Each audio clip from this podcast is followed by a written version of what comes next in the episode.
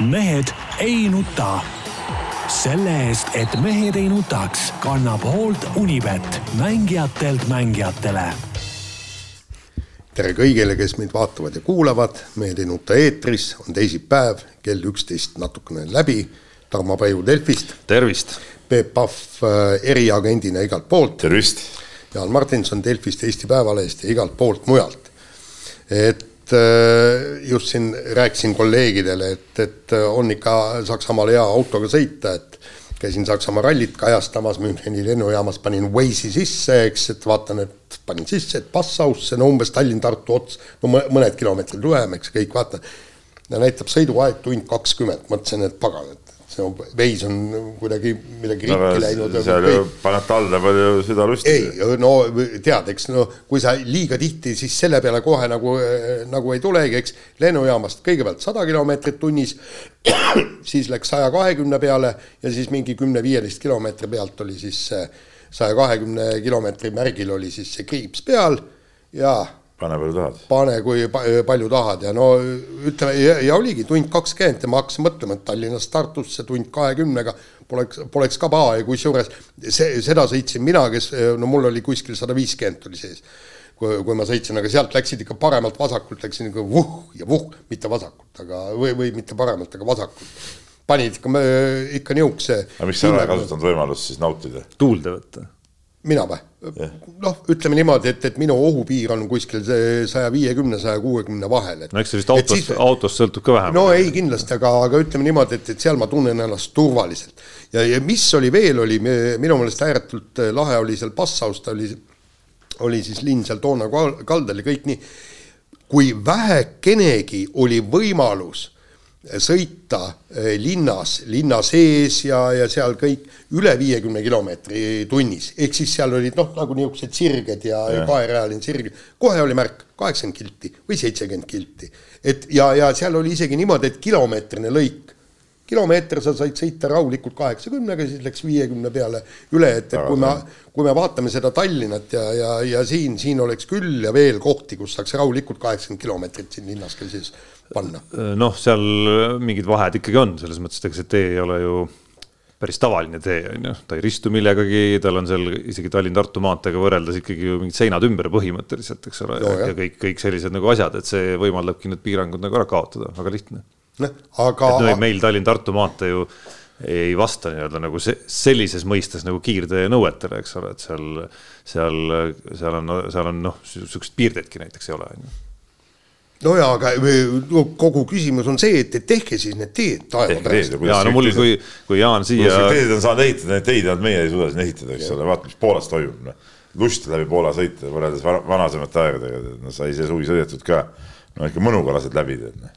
Ja no eks riikide suurused ja autode massid on ka erinevad, aga mulle meenus ka, kui Jaan seda rääkima hakkas toimetusest välja tulles siin üks äh, paari nädala tagune artikkel, ma imestan, et Peep seda üles ei korjanud ja, ja ei ole siin saates äh, korralikku ränti nagu püsti pannud sel teemal, kui äh, siin meie enda arvamus veebis Äh, riigi, riigikogu liige Pärtel-Peeter Pere tegi ettepaneku, et äh, võiks üldse piirkiirust hoopis nagu alandada kaheksakümne kilomeetri tunnikiiruse peale. ma oleksin näinud seda igasugust lollust ja peale mõtlesin reageerida ka. et noh, selle peale isegi mina vaatasin, et noh, jah, lihtsam on loomulikult, et vähendame muudkui kiiruse ja ja ärme jumala eest äh, nii-öelda taristut paremaks tee, ärme seda Pärnu maanteed jumala eest hakka nagu veel nagu kuidagi nagu tegema nagu, et oleks seal Äh, hoopis nii-öelda tee kvaliteet või tee kategooria kuidagi nagu parem on ju, et seal ei pea, pea nagu noh, noh, seal ikkagi nagu suhteliselt ekstreemselt äh, liigeldes äh, kogu aeg edasi-tagasi nagu sõitma on ju, et, et loomulikult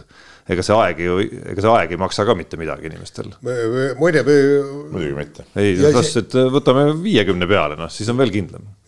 siia tulles, vaata, mul jäi see jutt pooleli, keegi luges üle oli äh, sõitnud Pärnust Tallinna ja vaatas, kui palju, see oli see hommikune aeg, kui need äh, rekad kõik sinna läksid. ütles niimoodi, et luges, äh, luges ära nii-öelda vastu tulevad rekad.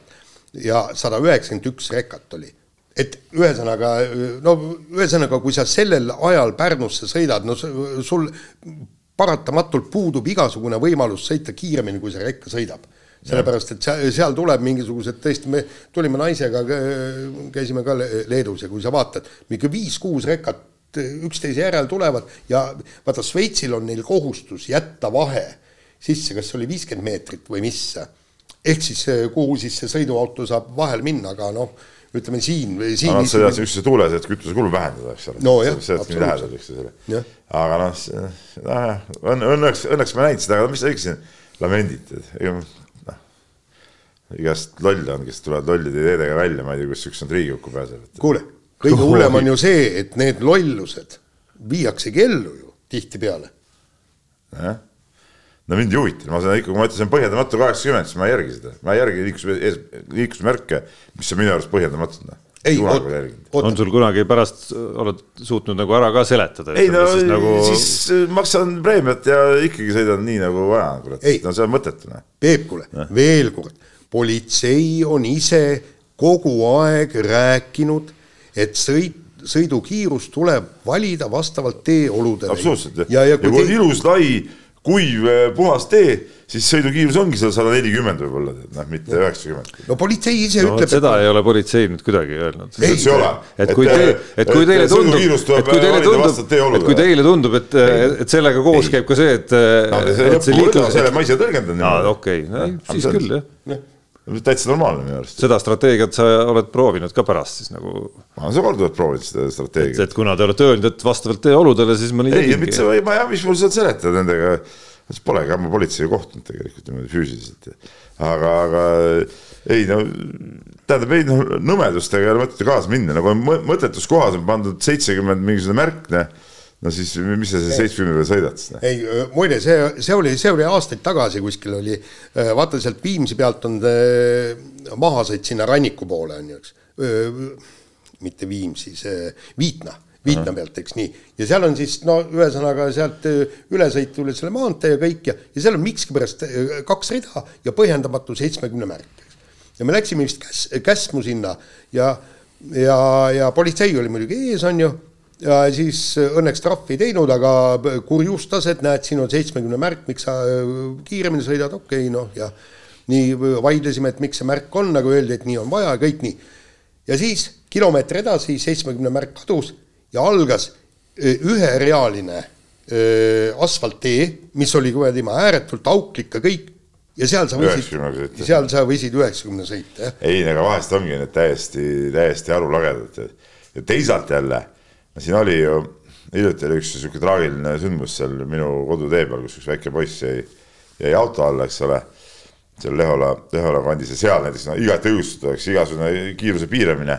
ja, ja nagu ma aru sain, seal vist mingid, mingid tüübid panidki ise, ise omaalgatuslikult eh, mingid märgid sinna üles, et viiskümmend või, või, või ja siis ja kuna need olid pandud nagu ise omapäi, siis, siis loomulikult eh, Maanteeamet kiskus need paari päeva pärast sealt maha noh ja no päris palju põhjendusi, Tuuli Öösar kajastas seda lugu ju päris põhjalikult, see oli seesama koht, ma pakun, meie kandist, ma pakun, et see oli seesama koht, et, et põhjenduste jada, miks, miks ikka ei saa ja miks on keeruline seda sinna nagu panna, oli päris pikk. Ja, ja, ja, ja kusjuures ta käis ju vaatamas, kuidas seal, kas, kas meie omad või keegi käis seal vaatamas, kuidas see eh, liiklus käib ja seal ongi, tähendab, et inimesed peavad äh, minema üle tee. ebameeldiv koht kindlasti jalakäijate jaoks jah jah, ja, ja põhimõtteliselt sul ei olegi mingit võimalust, sa pead nende äh, autode vahel laveerima, mis sõidavad üheksakümmend kilomeetrit tunnis. laveerima, ega vaatasid, et sa laveerima lähed sinna, et lähed keset teed seisma seal, et, siis jookad no, ära või äh, aga Kuli... päeval ma kujutan ette, mina sõidan sealt tavaliselt hommiku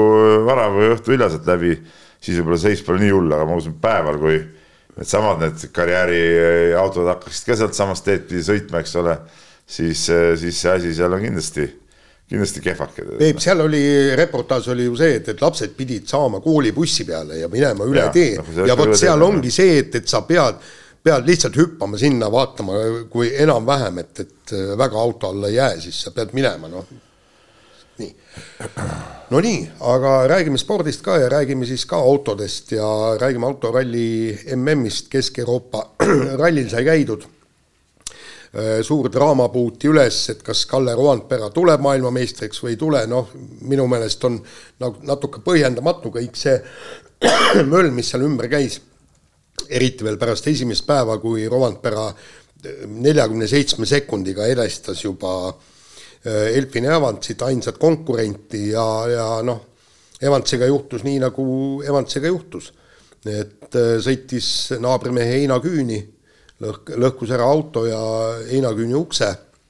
Ja ajakirjanike keskel oli siis noh, irooniat ka selles mõttes, et noh, et Evans tegi Evansit nagu räägiti ja siis soomlased ütlesid, et noh, et näed, et just eelmisel kiiruskatsel oli Kalle Rovanperal olnud moment, kus ta käis teelt välja, sõitis kurvi pikaks, aga tema suutis ennast nagu nii-öelda puude vahel ära äh, mahutada, et, et välkkiire reaktsioon ja leidis selle ühe augu, kuhu saab auto nagu panna.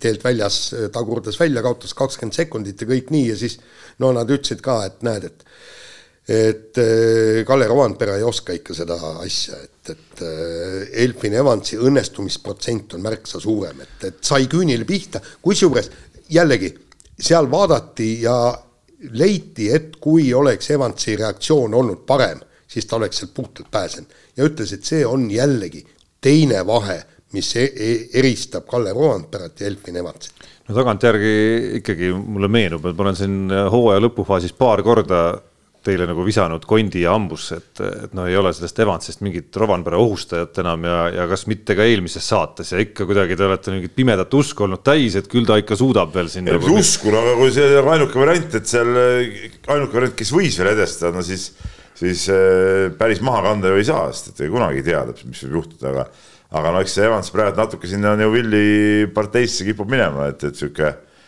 võimalused on, aga, aga ära ei napsa ja, ja, ja järgmine aasta ma arvan, et on tal veel keerulisem. noh, seal selles Äh, meil see ralli kuues käik seal saates, ma noh, mul, mul tuli ka meelde, et ma ammu-ammu enne, kui Ott Tänak tuli maailma, võib-olla kaks tuhat seitseteist, kaks tuhat kaheksateist kuskil tegin äh, selle Timo Joukiga, selle ralli mänedžeriga tegin loo ja siis äh, seal oli ka, jutt tuligi sellest, et no ta hakkas rääkima, et Kalle Roandperas on maailmameistri ainest ja siis selgitas, põhjendas ka ära ja siis äh, ma küsin Tänaku kohta, ta ütles ka Tänakus on, et, et, et, et ta tahtis ka Tänakuga lepingut äh, sõlmida, aga noh, et, et see ei õnnestunud ja ta, ta ütles, et, et no mina näen ära, et kellest võib saada maailmameistriks. ja ütles, et, et ülejäänud on kõik hästi toredad poisid, sõidavad kiirelt kõik nii, aga nad ei tule kunagi maailmameistriks. ja siis ma, ma ei mäleta, mille, mille pärast ma tõin, küsisin, just oli küsimus, et äh, no umbes nagu Elfin Evans ja selle peale Jauhki ütles, jah, Elfin Evans, väga tore poiss, kiirelt sõidab, aga ta ei tule kunagi ma maailmameistriks. ja, ja kusjuures see, see jutt käis tõesti. noh, kuigi ta ütleme, olgem ausad, siin see koroona hooajal tal oli ikka päris hea võimalus. Nojah, aga sellest no,, sellest, sellest Jauhki põhimõtteliselt rääkiski. ei no kuule, mis Jauh, no Jauhki ei saanud seda ette teada, ta sõidab selle otsustaval etapil lihtsalt kraaviga noh jooki on üldse, tead see jookist võiks üldse vähem, vähem kasutada, minu arust ta, ta on täiesti seniilne vanamees juba tegelikult, noh. vaata ta jutte, täiesti ebaadekvaatne inimene. no aga antud juhul ta rääkis selles mõttes nagu õigust, et just seda ta pidaski silmas, et äh, Evansi-sugused mehed noh, pigem eksivad otsustaval hetkel, kui see võimalus neil avaneb. nojah, ei no. seda, see tõenäoliselt muidugi on, aga kes ei eksi, siis no ongi, ongi äh, praegu äh, kaks meest, kes, kes pole eksinud, on siis, on siis äh, Rompera ja, ja Ožeer, noh ei noh, Tänak on tulnud ka maailmameistriks. jaa, Tänakul Tänak läks ka ükskord eh, viimasel etapil oli veel eh, variant õhus, noh ei, ei õnnestunud no.. jaa, aga no ta on ka, aga ta on teinud ka selle kadalipu läbi, kus ta, kus ta ja, ei, ei nii-öelda mõhla ära seda tiitlit. ja, ja, ja kusjuures, kusjuures seal Hispaanias tal oli ju vaja võtta ära suured punktid selleks, et tulla maailmameistriks ja oli vaja ju ka seal. no seal oli selle kergem, et tal oli aega veel, noh, seal ja, see ei olnud viimane etapp. jaa, aga, aga punktikatsel ka ta surus ja, ja. ei muidugi, no tol hooajal oligi, no ta oli kõigest üle, no see pole midagi rääkida. aga, aga jah, noh, eks, eks ongi paratamatu igal spordialal niimoodi, et mingid mehed on võitjad ja mingid mehed ei ole võitjad, lihtsalt nii, nii ongi oli siis Kalle Rovanpera teine tiitel kuidagi erilisem kui esimene? üritasid, üritasid seda, üritasid seda juttu nagu, nagu niimoodi, niimoodi nagu välja mängida, et. ei, aga tegelikult selles mõttes võis olla, kui me vaatame, mäletad eelmist aastat, ta oli ju poole hooaja pealt oli, oli, klaar, oli asi, asi klaar, eks. sest seda hooaega ta alustas praegu suht äh, kesiselt ju tegelikult. ja, ja huvitav, et see Jari-Mati Latval ütles, et venal ei olnud nagu motivatsiooni tiitel käes ja noh, mis ma ikka tõmblen, aga pärast Horvaatiat siis järsku hakkas. oota, millal üldse esimese ralli võidu sai? Ta ei võitnud ju Montes, ta ei võitnud Rootsis, ta ei võitnud Horvaatias ju. ei võitnud ka seal. ei võitnud ka seal, kas ta siis oligi, neljandal, neljandal, viiendal etapil seal esimese võidu. sellepärast, et äh, Ogier. esimese võidu sai Portugalis, viies ralli jah. viies ralli, noh. joo, täpselt ja, ja vahepeal oli Ogier oli üldse MM-sarja liider. vaata, me rääkisime, et, et huvitav, et, et, et vend võiks ju terve hooaja kaasa teha et aga, aga no paraku nii ta on ja, ja Ott Tänakust on kahju, et, et see auto vähemalt sellel marja, märjal ja libedal äh, Äh, asfaltil ikkagi ei olnud tõesti sõidetav, tähendab, kui igaüks, kes vaatas seda Ralli tv-st, et kuidas ta seal öö, äh, erinevalt teistest, eks, kui ta sinna libjadasse kurvi tuli, siis no kõigil viskas see ta, tagaosa kergelt, aga temal oli see ikkagi, see auto, auto vänderdas ikka nii kõvasti. jaa, aga ma arvan, see kolmas koht oli ka väga hea, mis sa said. ei, ei absoluutselt oli, aga, aga vaata, ta, ta sõitiski stabiilselt ta noh, tal ei olnud mitte kedagi püüda ja ainukene oht oli viimasel päeval no, no aga tema olukord oligi praegu selline, see võimaldas stabiilselt sõita, tal ju MM-tiitli varianti ei olnud, eks ole, sellest tal mingit painet, et ta peab, peab, peab midagi tegema, sellist ei olnud ja ta püsis, püsis oma sihukeses tempos ja, ja kui mingid mehed seal hakkasid tõmblema, siis, siis see ei olnud tema kasuks ja, ja võttis oma koha väga kindlalt ära, selles väga targalt ja ja väga hästi sõidetud minu arust Tänaku poolt see, see võistlus. jah, aga, aga seal oli noh, tähendab üks, eh, üks jälle punkt, jutupunkt oli ikkagi muidugi see Esa-Pekka Lappi ja Teemu Suni, Suninen, eks, et Lappi oli kiire, sõitis välja. no Lappi teist korda järjest ja täitsa ralli alguses täitsa tükkideks autodes. Noh. just, aga samas Suninen tema jälle ei olnud kiire, aga ta lõpetas eh, kena ja korraliku kohaga et.... no ta oli ka üsna värske samasugune möhlaus ette näidata no jaa, aga, aga eelmisest rallist. aga tervikuna Lappi on see ikkagi päris kiiresti sõitnud, Lappi on. no aga kolm, neljast viimasest rallist kolm on katkestanud ja me ja. räägime praegu siin tiitliheitlusest, nii-öelda järgmise aasta tiitliheitlus, siis tege-, tegelikult on Hyundai bossil, Abita Paulil on ikka paras peavalu, et, et kellele millised rallid jätta, et nagu ma, ma olen ei, aga olema, mis leping Lappil on, seda ei tea mitte keegi. mis leping tal on? ei, tal, tal ei olegi praegu lepingut. mis ei ole siis? Lappi on igal pool öeldud. ta ju ütles, et tal on leping, aga pole öelnud, aga pole öelnud, kus see, ja mis leping. ei, see Suninen rääkis mulle ja, ja jällegi sa ei taha seda Johkit siia tuua, Johki ütles ka ja Suninen ütles mulle, et eh, Suninenil on pikaajaline leping. Eh, ta oli siin Lõuna-Eesti ralli ajal, rääkis, aga see leping ei sisalda äh, ühtegi sõna sellest, et kui palju ma sõidan äh, Rally jaa, aga Lapp, ma räägin Lapist praegu. jaa, ei, aga Lapil samasugune. no sa tead, mitte kuskil, mitte kuskil ei ole ühtegi rida, ainuke uudis, mis on tulnud selle kohta, on see, et Lapp ütles, et ta on äh, uue lepinguga väga rahul. ja siis ja. järelikult ei saa see olla leping, mis on nagu suninenil, mis ei sätesta ühtegi, mis ei garanteeri talle ja mis ei garanteeri talle ühtegi WRC ralli. mingid asjad seal. ei, tal on, tähendab jällegi ärge saage valesti aru. Hyundai paneb välja kolm autot esialgu, millal võib-olla poole hooaja pealt tuleb neljas auto ka. ühes sõidab Tänak, teises sõidab Neville ja kolmandat autot jagatakse. jagavad Suninen, jagavad Lappi aga vot nüüd ongi sellel bossil on peavalu keha. aga keda... mis peaks Lappi olema üldse rahul, kes sõitis tänavu terve hooaja, peaks olema väga rahul lepingu, kus ta jagab mingi Sunineniga autot. Sunineni ja Lappit koos panna jagama on täielik mõttetus, sest mõlemad sõidavad sarnaseid rallisid kiiresti. Noh. see on, see on Hyundai poolt ju täiesti idiootne valik sel juhul. nii, noh. okei okay., keda sa siis äh, asemele paned no,? oleks seda. jah. No... meil oleks vaja kedagi siukest, kes sõidaks äh, siis jälle asfaldi peal hästi või leiaks. ja palun võta, võta, võta, kus sa, kus sa näed neid piloote? Keda sinna panna. no aga võta kas või samad mingid prantslased, kes seal sõidavad asfaldi peal hästi WRC kahes. Noh. jah, kes? Lube või, kes enamasti oli kraavis? ei, mis Lube. Noh. no kelle sa võtad? noh, leiaks kindlasti, aga kindlasti ei ole mõtet võtta kahte ühesugust meest sinna niimoodi Need on ainsad mehed. ei, aga miks sa siis üldse kaks võtad, võta siis üks, mis, mis mõte on neid vahetada, kui nad ühesugused mehed on? ei no miks, kruusarallidel sa stardid tagant, tagant, tagantpoolt, sul on, sul on see paganam stardikoht on sul ju parem. millega ju mängitigi. Hyundai on kogu aeg mänginud. no sellega ta mängib, no Toyota mängib sama asjaga tegelikult. aga no ei no Toyota ei mängi ke. Osier mängib samamoodi. ei no Osier jah aga, aga tervikuna on see muidugi noh, jura noh, mõttetu tegelikult. Noh. ei no on, mis ta on, aga, aga noh, nii need asjad paraku on. no üldplaanis on ikkagi nagu suhteliselt nagu igav see maailm, kui Väga parim hea. asi, millega Jaan, sa tuled tagasi sealt eh, koha pealt, on siis arutelu selle üle, et kes on Hyundai kolmas ja neljas sõitja või kas no. neljas üldse eksisteerib ja et noh, selles mõttes on ikka asjad nagu suhteliselt nii-öelda loksuvad praegu lihtsalt selle, selle aasta kontekstis nagu lõpuni ja suurt intriigi. kui, kui tihti, kui tihti mingitel pallimängualadel on vähemalt kahe hooaja vahepeal või mingisugused üleminekuaknad, kus on põnev aeg ja põnevad uudised, siis noh, praegu ei ole seda ka. ei ole ja, ja Jari-Mati Latval aina, noh, tähendab ühesõnaga nii Hyundai kui ka Toyota ei ole koosseisu ega M-Sport pole ka koosseisu välja kuulutanud, aga, aga Latvala ütles, et, et jätkame samade meestega. Ossier sõidab kuus kuni kaheksa rallit, aga me me kuulutame kõik selle välja alles Jaapani no,, Jaapanis, aga mis eh, minu jaoks oli tegelikult eh, kõige olulisem selle nädalavahetuse sõnum tuli Thierry Neuvillilt. kui ta ütles, et Hyundai'l on vaja karikaid, ehk siis mingit tiitlit, on see individuaalne või võistkondlik, ja ütles, et eh, selleks, et Hyundai ralliprojekt säiliks tema ütles selle, selle otseselt no, jube keeruline sõnum küll, mis, ei, no, mis, mis, mis, mis nii olulisest, täiesti mõttetu jutt.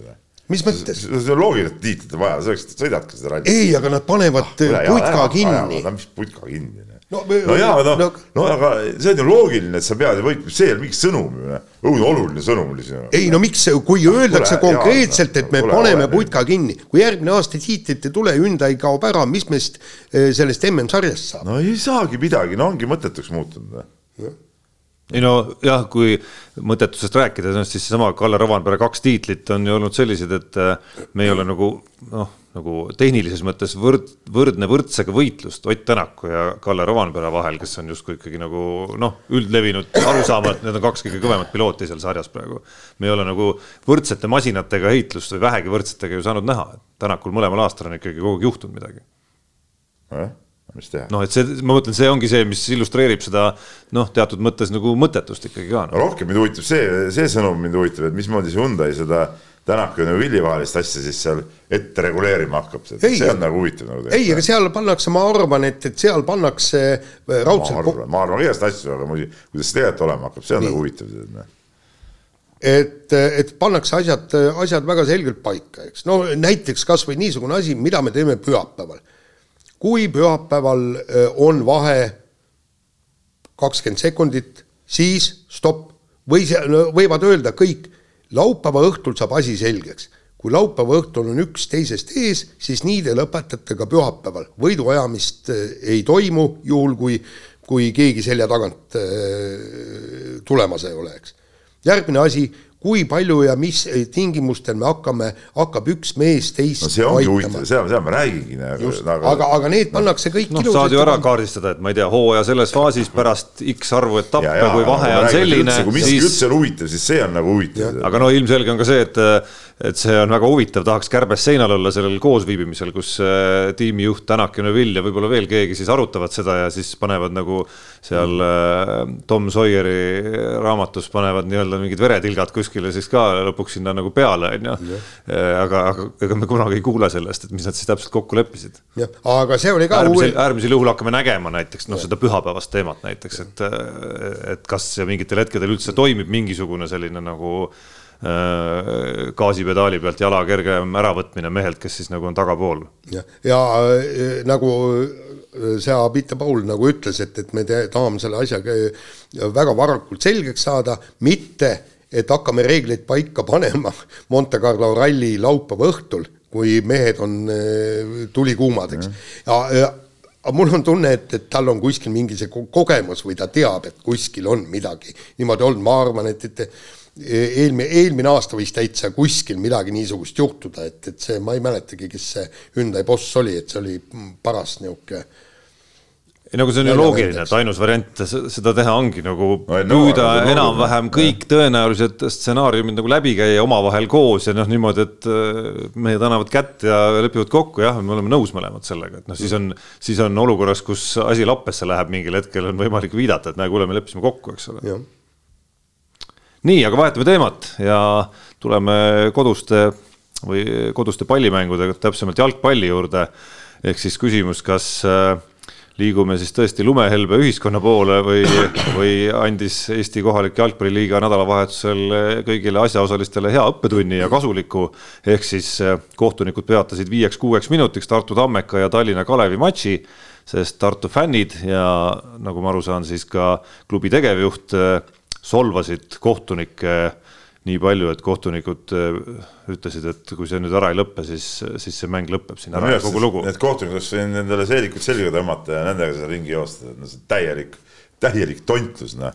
ma just, ma just, ma just, ma just esimesena, oota Peep, ma just, ma jätsin veel lisamata lause, et ma just esimesena olekski tahtnud nagu kuulata, mida Peep, kuidas Peep ennast käima tõmbab selle teemaga ja, ja spekuleeriks, et mitu tema mängu läbi aegade nii noorte kui täiskasvanute seas oleks äh, seisma jäänud. kuule, kui ma sama... tahaks, ma ütlen ise selle mängu seisma või mehed minema, noh, on ka seda juhtunud. aga kui kohtunikud lolliks lähevad, eks ole, aga tervikuna, mis asja, nagu nalja teete või? see, et kuskilt keegi sõimab kohtunikku, see on töötasu sisse, sisse kirjutatud teil või selle väikse stipendiumi, ma saan aru, see on nagu väike raha, mis te saate, aga paraku seda ametit valid, siis no nii juhtub vahest, noh. Te ei saa nagu seda nagu hinge võtta, noh. ma ei ütle, et peab neid sõimama, ei kindlasti ei pea, eks ole, ei pea midagi halvasti ütlema. aga kui seda juhtub, siis seepärast ei saa mängu pooleli jätta või, või seisma panna, no see on tõesti nagu mingi naljanumber, et, et mis siis noh, võtame sama selle näite, mis äh, Rain Peerandi vilistas seal, eks ole, kui seal oleks äh,, seal siis mängu, mängud saaks toimuda, mängud kogu aeg seisaks siis ju, kui me nii, nii pehmelt seda asja võtaksime, noh loomulikult ebameeldiv, kui sulle öeldakse halvasti, loomulikult ebameeldiv. tuleb alla neelata, no mis teha siis? no teine, noh. teine asi, sa võta seda mängu osana, tähendab, kohtunik muidugi. peab võtma seda nii-öelda tema pihta suunatud sõnu samasuguse mängu osana, nagu ka kohtuniku enda vead seal mängus. see, sest ma ei, ma, tõesti, ma ei kujuta ette, et, et kohtunikud suudavad perfektselt seda mängu vilistada ja kui sa eksid ja, ja aga mäng läheb edasi ja mis, mis, see on mängu osa ja täpselt samamoodi on mängu osa ka, kui selle kohta, kui sa eksisid, aga lasid mängul jätkuda, saad sõimata, noh. ei no kui, no, eks... kui sa siin küsid, kas see lume ühiskonna poole liikumine, siis me oleme ammu kohal nagu selle, selle fakti järgi siin täielikus lume, lumehelvete hunnikus ja, ja, ja kui see on mingisugune hea õppetund, siis õppetund on selline, et sihukest jama ei tohiks kohtunikud korraldada lihtsalt. ja no ma loodan, et see noh, üldjoontes nõus, aga ma loodan, et teine pool ka mingi oma õppetunni siit nagu võtab, et noh, kui seal mingi mängumees äh, Õhtulehe andmetel Äh, muuhulgas äh, suutis öelda lause, et äh, kas sa oled Downi sündroomiga, on ju, et noh, siis see on nagu intelligentsi küsimus ka natukene ja peeglisse vaatamine, et kas sa nagu, see oli mängumees no,. Mängu, mängumehele et, ohjeldamiseks on kohtunikul kahte värvi kaardid. ja ei, ja siin, sealt ma tahangi edasi jõuda, et sealt, selle peale ta nägigi teist kollast kaarti no, ja saatis väljakult minema ja, ja sellega oleks võinud noh, kokkuvõttes see asi ikkagi lõppeda, äärmisel juhul on kuskil veel mingisugune, ma ei tea, raporti tegemise võimalus pärast mängu ja, ja mingid hilisemad distsiplinaarkaristused. Karistused, aga selles mõttes ei pea vist nagu liiga lahtisest uksest ka sisse tormama, et, et ma saan aru, et Jalgpalliliit on ka oma äh, seisukohta väljendanud, et äh, kohtunikud, äh, kohtunike soolo oli see ikkagi noh, mida ei tolereerita aga, aga samas muidugi jalgpalluritele ka, eks, et, et te võiksite nagu veidikene intelligentsemalt kohtunikega vestelda, noh näiteks küsida talt. kas see on loll või? ei, ei küsida, et, et kuule, et. see on väga lihtne küsimus et kus su koer on, et mis koer, pime ja ilma koerata jah, et õppigu nendest eh, reality show dest näiteks, no ma ise Masterchefi vaatan. Eh, ja, ja täitsa tore, täitsa tore, olles ise ka toiduhuviline, siis, siis seal on ka näha, kuidas toimetaja on ette kirjutanud ikkagi päris palju neid nagu lausekonstruktsioone, kus saatejuht tahab nagu öelda, noh, ma ei tea, oletame, tahab hästi öelda, on ju, aga siis ta hakkab ütlema nagu lauset noh, mis on kuidagi nagu meeldiv tegelikult või tähendab ebameeldiv niimoodi, et kohe on tunne, et nüüd lajatatakse nagu ära, aga siis pöörab selle ringi mingisuguseks kiituseks hoopis, noh, samamoodi nagu see koera lause mõnes mõttes no, tekitab mingi segaduse on ju ja siis, siis lajatab ära, et harjutagu. jah, mulle meenub, ma ei tea, kas ma olen rääkinud siin saates ka, kahjuks ei tule, kahjuks ei ole salvestatud, aga oli kunagi Tartu Ülikoolis üks loeng, üks tänane, tänane tuntud suhtekorraldaja pidu oli läinud Riiale eelmisel õhtul ja tuli mesiniku kostüümis sinna järgmise päeva äh, professor Lotmani semiootika loengusse ja, ja siis noh, kuna tal oli veel nagu ikkagi ütleme, soe oli sees, siis ta otsustas ka nagu purjus inimene ikka otsustas ka nagu seal nalja teha. no nagu nalja teha ja hakata nii-öelda nagu kinnast viskama siis nagu õppejõule onju ja no, kahjuks ei mäleta neid lauseid, aga noh, ütleme see intelligents, mida sina kirjeldasid, noh, see kahvatub selle kõrval, kuidas siis härra Lotman nagu lahendas need olukorrad niimoodi, et ka see purjus inimene sai aru umbes nagu kahe korraga, et okei okay,, tulin valesse kohta ja läks minema lihtsalt sealt sõnagi lausamata ja nii on, aga jalkatšempionaat iseenesest on ju päris äh, põnev ju. no pühapäeval on suur mäng. jah kui Flora Levadia lähevad kokku. Neid on, kas meil siin terve nädal ei ole neid mänge, kas mitte homme ei, ei, aga ei no see on, see on põhiliselt. ma mõtlen pronksi, pronksi osas. ei no pronksi osas ka, aga see, see mäng sisuliselt otsustab äh, tiitli. tiitli jah, jah. et noh, kindlasti. no kui Flora võidab, siis, siis on asi klaar jah. siis on asi klaar jah, aga no ei, päris huvitav, no igal juhul huvitav et ma loodan, et, et, et seal ka saab palju rahvast olema ja saab sihuke korralik anšlaag, nagu vanasti öeldi. ei no jaa, aga siis kohtunikud jälle jooksevad platsilt minema no,. seda küll jah, et see ma peaks panema siis, Kalvik on ju kõva jalkakohtunik, tal on tugevad närvid ja tema võiks olla see lipumees seal. tema võiks olla küll, ma arvan, selline nagu. ta kannataks välja küll selle. kannatab, ta on kõik välja kannatanud elu jooksul. parteimees ka, eks ole, tead, harjuvad kõigega ju et, et siit jah, ettepanek siis kohtunike kodule, ma ei tea, kes seal määrab neid kohtunikke. Et noh, poliitikud, ütleme nüüd on nagu väikest vist poliitik ka ju kandideeris valimistel ja kõik nii edasi on ju. Keskerakonna Rapla ja. maakonna juht või? ja mis tähendab, et kõiksugu selline kriitikasõim, noh, see peaks nagu hane selge vesi olema. absoluutselt noh, et, et selles suhtes jah, et jaa ja, Kalvik kohtunikuks. aga muide, see oli huvitav, vaata see Eh, Kreeka jalgpalli tšempionaadil, kus see mäng eh, katkestati. vabandust, täna on siis juba see Kalju-Paide mäng, et oleks parandatud ka see mm. ülitähtis siis kolmanda koha heitluses. Et see Kreeka jalgpalli tšempionaadil kahe rivaali vahel kõige, kõige hullemad, noh, ma ei mäleta, kes seal on, siis see, nendevahelisi mänge vilistavad väliskohtunikud, seal on näiteks niisugune reegel. Äh, no seda on nendes noh, just Kreeka ja, ja Serbia kuumades derbides, see on olnud nagu noh, üks vaidluse allikaid seal kuumematel hetkedel kogu aeg, et, et selleks, et üks pool oleks üldse nõus mängima, siis, siis väliskohtunikud tuleb kohale ajada, et Kreekas ju olümpiaakos mingil ajal ju taandus üldse korvpalli meistrivõistlustelt pärast seda, kui seal asi nagu liiga kuumaks läks ühel hetkel ja Serbias on pidevalt üleval see, et et üks või teine seal Crvena Zvezda või Partisan nagu nii-öelda juhtme seinast välja tõmbas nii, aga lähme edasi ja, ja kas on koostöös äh, teatud mõrad tekkinud, igatahes Eesti ujumise imelaps Ene-Li Jefimova teatas siis poolteist aastat enne gümnaasiumi lõpetamist, et siirdub Põhja-Carolina osariigi ülikooli. ja siis treener Henri Hein kahtleb selles, et kas see on ikka õige koht ja küsib, et miks üldse oli vaja nii vara midagi otsustada ja no tõsi, nüüd mitte nüüd väga süvitsi taustu teades, mulle endale tundub ka nagu imelik, et miks ta pidi poolteist aastat ette kuskil ära otsustama, mis ülikooli ja mis treeneri juurde läheb, et kes teab, mis poolteist aastat mis üldse on.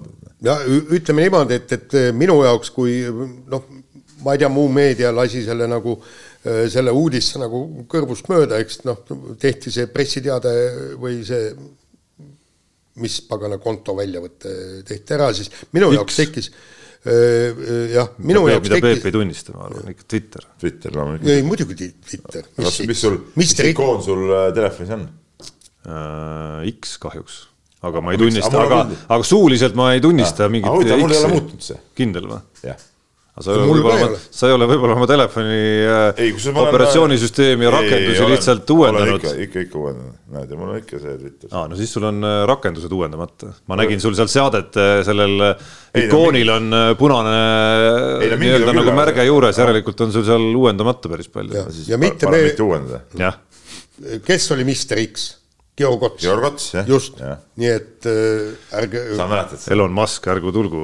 ei, absoluutselt, meie legendi. nii, aga, nii, aga Ene Jefimov. ühesõnaga äh, äh, ma kuskil paar aastat tagasi äh, Henri Heinaga, kui me vestlesime kõik, rääkisime noh, omavahel seal Eneli tulevikust ja kõik ja siis ja, ja ta ütles, et ühe võimalusena ta näeb tõesti Ameerika ülikooli minekut, aga Äh, see, äh, see peab olema, tähendab selleks, et tingimused peaksid kõik olema, et me vaatame, et kas see oleks õige. Ja punkt kaks on see ülikool tuleb väga täpselt ja põhjalikult välja valida, kuhu minna, eks. ja, ja siis, kui ma ise hakkasin seda ülikooli uurima, seal on meesteprogramm, ujumisprogramm on tõesti väga kõva. Aga naistel eh, mitte eriti, nad ei ole noh, neid tiitleid eriti võitnud. Ja mis on kõige absurdsem minu jaoks on see, nagu Henri Hein ütles, Eneli Jefimov, kui ta sinna ülikooli läheks, oleks ta kogu ülikooli satsi esiujuja. ta oleks kõige parem, tähendab, ühesõnaga, ma, näidake mulle, kuidas kui need treenerid ei ole ühtegi ujuvat suurt nagu, jah, jah ja, teinud. Ja, ja siis kuidas nad kavatsevad seda Eneli Jefimovat nii-öelda arendada, tegelikult oleks tarvis, et ta läheks ikkagi eh, niisugusesse kohta, kus, kus on tulnud esiteks palju tippe ja kus see tase on nagu üli, üli-ülikõrge ja see aitaks tal nüüd tõusta siis veel, teha mingisuguse sammu edasi. ja, ja, ja kusjuures jällegi, Enn-Rein teab, millest räägib, eks ta ütles, et selles ülikoolis on tõesti sprindiprogramm on väga hea, aga sprint Krool ja sprint Liblikas ja ütles, et rinnuli ujumise nii-öelda kõrgtasemel treenerit seal ei ole see oli miski, mida ma selle esimese uudise peale, kuna see tundus ka üsna varajane ikkagi ja noh, ujumis, noh näiteks korvpallimaailmas enam-vähem orienteerud seal mingite ülikoolide juures, tead, kas tegemist on tippülikooliga või ei ole, noh ujumises noh, pigem nagu tume maa. Et siis esimene asi, mis ma ise vaatasin täitsa nii-öelda uudishimu pärast, oli see, et kes sealt siis läbi aegade ujumis äh, äh, nii-öelda koolist tulnud on, eks noh, neid olümpiamedaliste ja selliseid tippujujaid maailmas oli küll, aga noh, mitte loomulikult mingeid tippe nagu noh, absoluutselt ei, mingeid. vanast ajast seal, oli, kas see me, ei, seal oli Mattius... nagu sellest sajandist ka ikkagi olid nagu mõned mm., mõned ikka noh, olümpiaujujaid oli seal omajagu ja selliseid üksikud medalistid ka, aga noh, selgelt Pahviks midagi, antud juhul ma ei pea Peepu silmas, ei löönud nagu see nimekiri nagu kuidagi mõeldes just, et noh kus justkui Eneli Jefimov enda ambitsioonid on äh, maailma tippujumises lõpuks on ju, et see, see, seetõttu ka pigem tekkis mul sarnane küsimus, mida, mida treener Hein äh, peegeldas siis sinu loos ka, kus tõsi, Jaan peab kriitiliselt ütlema, oli siis puudu see, et, et oleks siis, ma ei tea, kas Jefimov või, või tema vanemad natuke vastanud nendele Heina tõstatatud küsimustele. jaa, kõik, aga, aga, aga lihtsalt teda ei saanud kätte see sel põhjusel, et olid Türgis laagris ja tegelikult Henri Heinamaa äh, ajasin taga kolm-neli päeva. ja, ja lõpuks ta leidis mulle seal veerand tundi selleks, et, et rääkida, see, see oli puhtalt see, et, et me oleksime võinud oodata, aga siis ma oleksin olnud rallil ja see lugu oleks võib-olla ilmunud selle, sellel sellel nädalal. aga noh, seda, seda jätku jääme siis Jaan ootama pikisilmi. No, tundub väga oluline küsimus.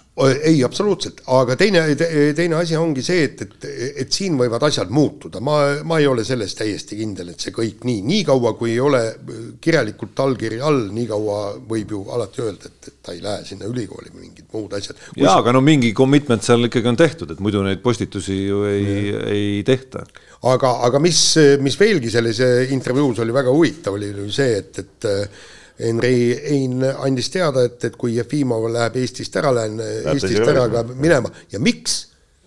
ma tahan tegeleda tippujumisega ja see Eestis ei ole see võimalik. väga lihtne. no väga ägedad laused, selles mõttes, et noh, palju meil on nii ambitsioonikaid treenereid just ükskõik mis alal, kes, kes noh, ikkagi nagu väga selgelt vaatavad rahvusvahelist nagu tipp-tipp-karjääri ja ütlevad selle välja sellise häälega ja teevad ka samme.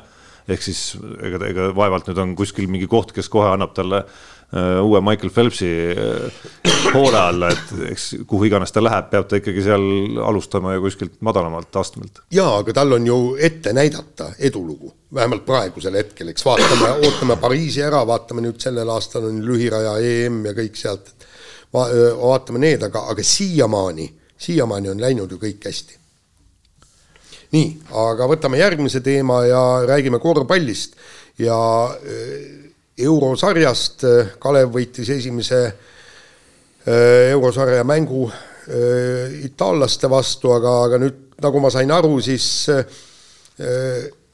need Iisraeli klubi loobus mängimast ja kuidas üldse saab, et tee mulle, Tarmo või keegi selgeks, et seal on nüüd jääb alagruppi kolm meeskonda ja, ja nüüd peaksid paremad, mis see oli, kuus paremat kolmanda koha meeskonda peaksid ka edasi saama et, et, et kuidas see nüüd süsteem toimima hakkab? no Fiba ei ole ametlikku teadet äh, selle kohta tegelikult äh, teinud minu arust, et kuidas nad, äh, kas nad on selle reeglite muudatuse nüüd ära teinud, ma ei ole suutnud näppu nii palju jär, nagu peale panna, tavaliselt nendes olukordades jäetakse lihtsalt siis selleks, et asi ühtlustada võrdlusmomendina, jäetakse siis nendes neljastes gruppides omavaheliseks arvestuseks mängud nagu viimase, viimasega välja, on ju. Mhm. et, et siis tekib nagu võrdne võrdlusbaas. noh, teine variant on mingit võiduprotsente, mingeid asju vaadata sellega, aga tavapärasem praktika FIBA süsteemis on ikkagi see, et see neljas siis nagu seal on see häda, et seal nullitakse ära äh, kõik teised kohaomanikud ei saa edasi. just täpselt ja siis sa saad ja siis sa saad selle nagu tekitada, on ju. aga, aga minu, minu meelest oli ka natukene kummaline see, et, et hakati kohe rääkima, et, et saavad edasi kolmanda koha meeskond, see oleks nagu, nagu see Kalev oleks nagu või, või kuskil või meie ajakirjandus olekski kohe nagu ette võtnud, et, et me, et, et me nagu, meil on oht jääda kolmandaks et minu meelest äkki räägiks hoopis alagrupi võidust, poleks mingit küsimust seda, millele sa viitad, mina ausalt öeldes kuskilt nüüd ei ma mäleta, et ma oleks ei, lugenud nagu noh, nagu sellist eeldust, võib-olla kuskil. ei, et üldse see kolmanda sul..., kolmanda koha asi välja toodi, milleks? no teise koha asi siis. või teise koha asi jah, jah. no ma arvan, et, et sa, mõistlik on see välja tuua, et öelda nüüd, taguda vastu rinda mängu eelõhtul Hispaania liiga klubiga Saragossa, kes vist nädalavahetusel circa kolmekümnega seal äh, ma ei mäleta, Badalona Juventudi vist äh, vajutas maal, on ju, rääkida vastu rinda tagudes, et me oleme selle alagrupi võitjasoosik. noh, ega see nüüd väga adekvaatne ei ole, ma ei ole veel kihlveokontori koefitsiente näinud, aga noh, praktikas ilmselt Cramo ei ole ühegi vastase vastu selles grupis, ei oleks olnud ka selle Iisraeli klubi vastu nagu soosik, ei olnud ka. päris raske grupp ei olnud ka, ei olnud ka, ja ei olnud ka Brindisi vastu või Brindisi vist on õige hääldus, vastu soosik on ju, et noh, see on see, miks kõik need äh, süsteemid tasub nagu, tasub nagu läbi käia, et see saab olema päris tõsine väljakutse siin sellesama Hispaania klubiga. Pole vist päris ammu siin ühegi Hispaania klubiga Eesti mis iganes meeskonnal nagu asja olnudki tegelikult ei ole, ei ole ammu olnud jah, siin äh, just kuulasin siia sõites äh, ühte korvpalli podcast'i, kus meenutati, kui see äh, Girona meeskond. Mark Gasolliga. Mark Gasolliga eesotsas jah, mängis siin. et, et ega ma ise ka ausalt rohkem ei mäleta, et kas pärast seda keegi on Hispaanias siin käinud või ei ole.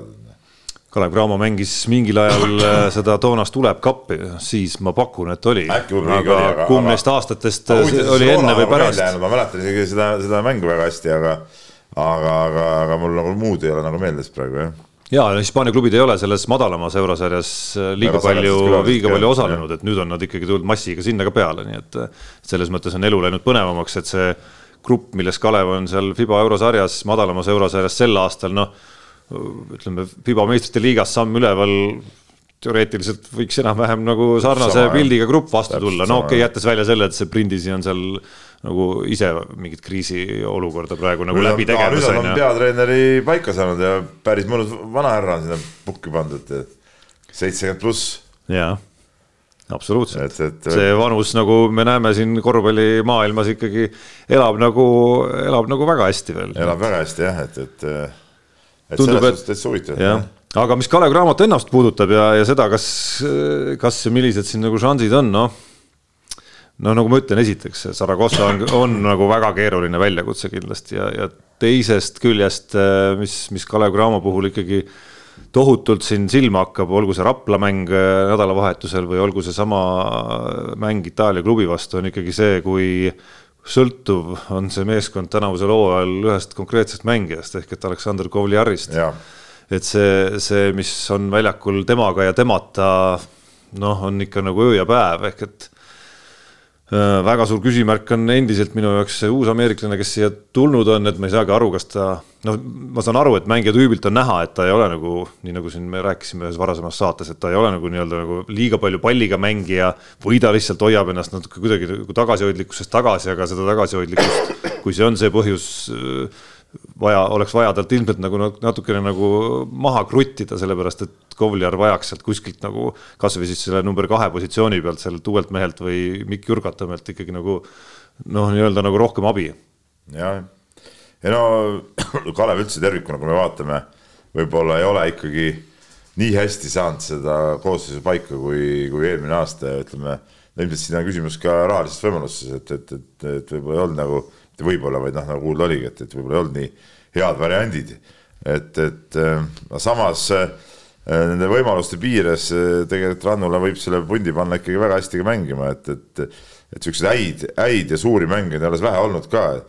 Et seepärast oleks eriti kahju, kui see, kui see eurovärk siin nüüd mingi paari mänguga ainult äh, piirdub, eks ole, et neljaga kaks, kaks mängu jäävad ära ja, ja, ja ongi neli mängu ja, ja kui edasi ka ei saa, no siis sellest oleks nagu nagu tõesti tuline kahju, et, et ma väga loodan, et nad vähemalt sealt, Jaan, teisenagi vähemalt saaksid sealt igal juhul edasi, et et noh, tegelikult tuleb see Prindis võõrsiga ära võtta ja ja, ja siis on variandid kõik olemas. aga noh, ma ütleks nagu harrastuskorvpalli vaatlejana, et tagaliinis on need võtmed ikkagi, et seal, seal peab nagu noh, ma ei ole sellest Matise potentsiaalist liiga hästi nagu aru saanud, et veidralt väga episoodiliselt, veidralt episoodiliselt ta esialgu nagu mängib, on ju, ja et, et kas see on osa mingist plaanist või, või, või, või, või ta ongi selline rohkem selline nii-öelda jälle eestikeelset head vastet ei ole, selline spot-up shooter rohkem, kes siis nagu ootab rohkem, et need kohad talle nagu kätte mängitakse, et aga, aga neid väljamängijaid natukene äh, napib ikkagi seal mängujuhi positsioonil aga suts äh, korvpalli veel siia esimese saatuse lõpetuseks. äh, oli mul tarvis nädal tagasi siinsamas laua taga nii-öelda nagu kurja välja kutsuda, sest nädal hiljem räägimegi täpselt sellest, kuidas äh, Maik-Kalev Kotsar ja Sander Raieste klubi Victoria Baskonia eelmine peatreener on lahti lastud ja asemele on tulnud siis neljandat korda sel sajandil palgatud Duško Ivanovitš, vana hea Balkani distsipliin ja kõik need jutud on, minule on Ivanovic tagasi väga meeldib, väga tore minu arust, kiidan heaks tegelikult selle sammu. nii Patsi kui, kui siis kogu selle tema, kogu tema stiili, ütleme siis. stiil, tegutsemine väga, väga viis pluss, no, no keegi No päris veider keegi ikkagi. ei saa ütelda, et tegemist ei ole absoluutselt tipptreeneriga. ei no fakt, faktid ütlevad seda, et see mees on äh, klubi ajaloo edukaim treener No lihtsalt see veider pool on see, et seesama edukam treener, keda on kolm korda värvatud, nüüd siis neli korda, on ka kolm korda lahti lastud ikkagi. jaa, vaata, aga kui sa paned tähele, mis oli ka nüüd, kui ta tuli eelmine aasta sinna Svenna Zvezda äh, peatreeneriks, et ta annab sihukese äh, hetkelise tõusuefekti on, ta peaaegu alati andnud, et, et selles on tema sihuke, sihuke tugevus seisneb, et ta jah, ta pikka aega ei suuda võib-olla seda levelit äh, hoida siin viimasel ajal, eks ole, ongi käinud väga üles-alla, aga ütleme, selle hetkelise, praegu on vaja ikkagi äh, äh, Baskoonial sihukest äh, kuidas ma ütlen, sihukest head nähvakat, mis, mis aitaks uuele tõusuteele ja seda Duško Ivanovic võib, võib küll tagada. võib, aga esmalt on vaja mingi koosseis talle üldse nagu tekitada, et kui Euroliiga mängu mängitakse kaheksakesi, noh, siis, siis noh, see on mingi asi, mingi pilt, mida ma ei ole aastate jooksul kordagi näinud sisuliselt, et, et nende graafikute juures igal meeskonnal on ikkagi mingisugust nagu varu sealt ka ikkagi nagu olemas, on ju, et et kui sul selgelt on koosseisus puudu noh, liider, mängija, eks esiteks võib-olla kaks isegi seal nagu Kalev Cramo näitel näeme, et ühest Kovliarist tegelikult nagu on puudu, on ju. et üks, ühte se- sellist tüüpi oleks nagu veel vaja, no siis neil tuleb tu- tõdeda, ei ole nagu ühtegi praegu, kes sellel tasemel ikkagi nagu nii-öelda Kalev Cramo Kovliariliku rolli nagu välja kannaks, on ju et, et kui sa seal oma seitsme-kaheksa terve mehega ja, ja siis veel nagu selge auguga koosseisus hakkad seal oma distsipliini ja ma ei tea, mis imetrenne seal tegema, siis ma ei tea, kuidas see asi seal välja kukub. et päris keeruline olukord. Treeneri vahetusega üksi, treeneri vahetusega üksi seal kindlasti Ja, nagu ja. ei muuda liiga palju, praegu vähemalt. keeruline olukord igal juhul, aga võib-olla sellepärast mindigi nii-öelda ära proovitud rada, et, et eh, no Duško Ivanovic teab sellest klubist sisuliselt kõike. Et, et eh, on huvitav vaadata, kuidas tema tulek näiteks jah, seda Kotserit mõjutab. Väga huvitav. et, et eh, mis, mis rolli ta tal näeb ja, ja ütleme, kas seal liinis ka mingid muutused tulevad, no ütleme, Rai-, Raiest on tal vana tuttav juba. vana tuttav, tõsi, no me mäletame tema eelmisest ajast, et äh, ütleme, Raieste seal nagu liiga palju Liiga temalt palju võimalust ei ei saanud, aga noh, samas on läinud paar aastat mööda ka ja, ja, ja ka Raieste ei ole päris sama mängija, kes ta oli kaks aastat tagasi. kindlasti. nii et saab olema huvitav äh, jälgida. nii, laseme kõlli.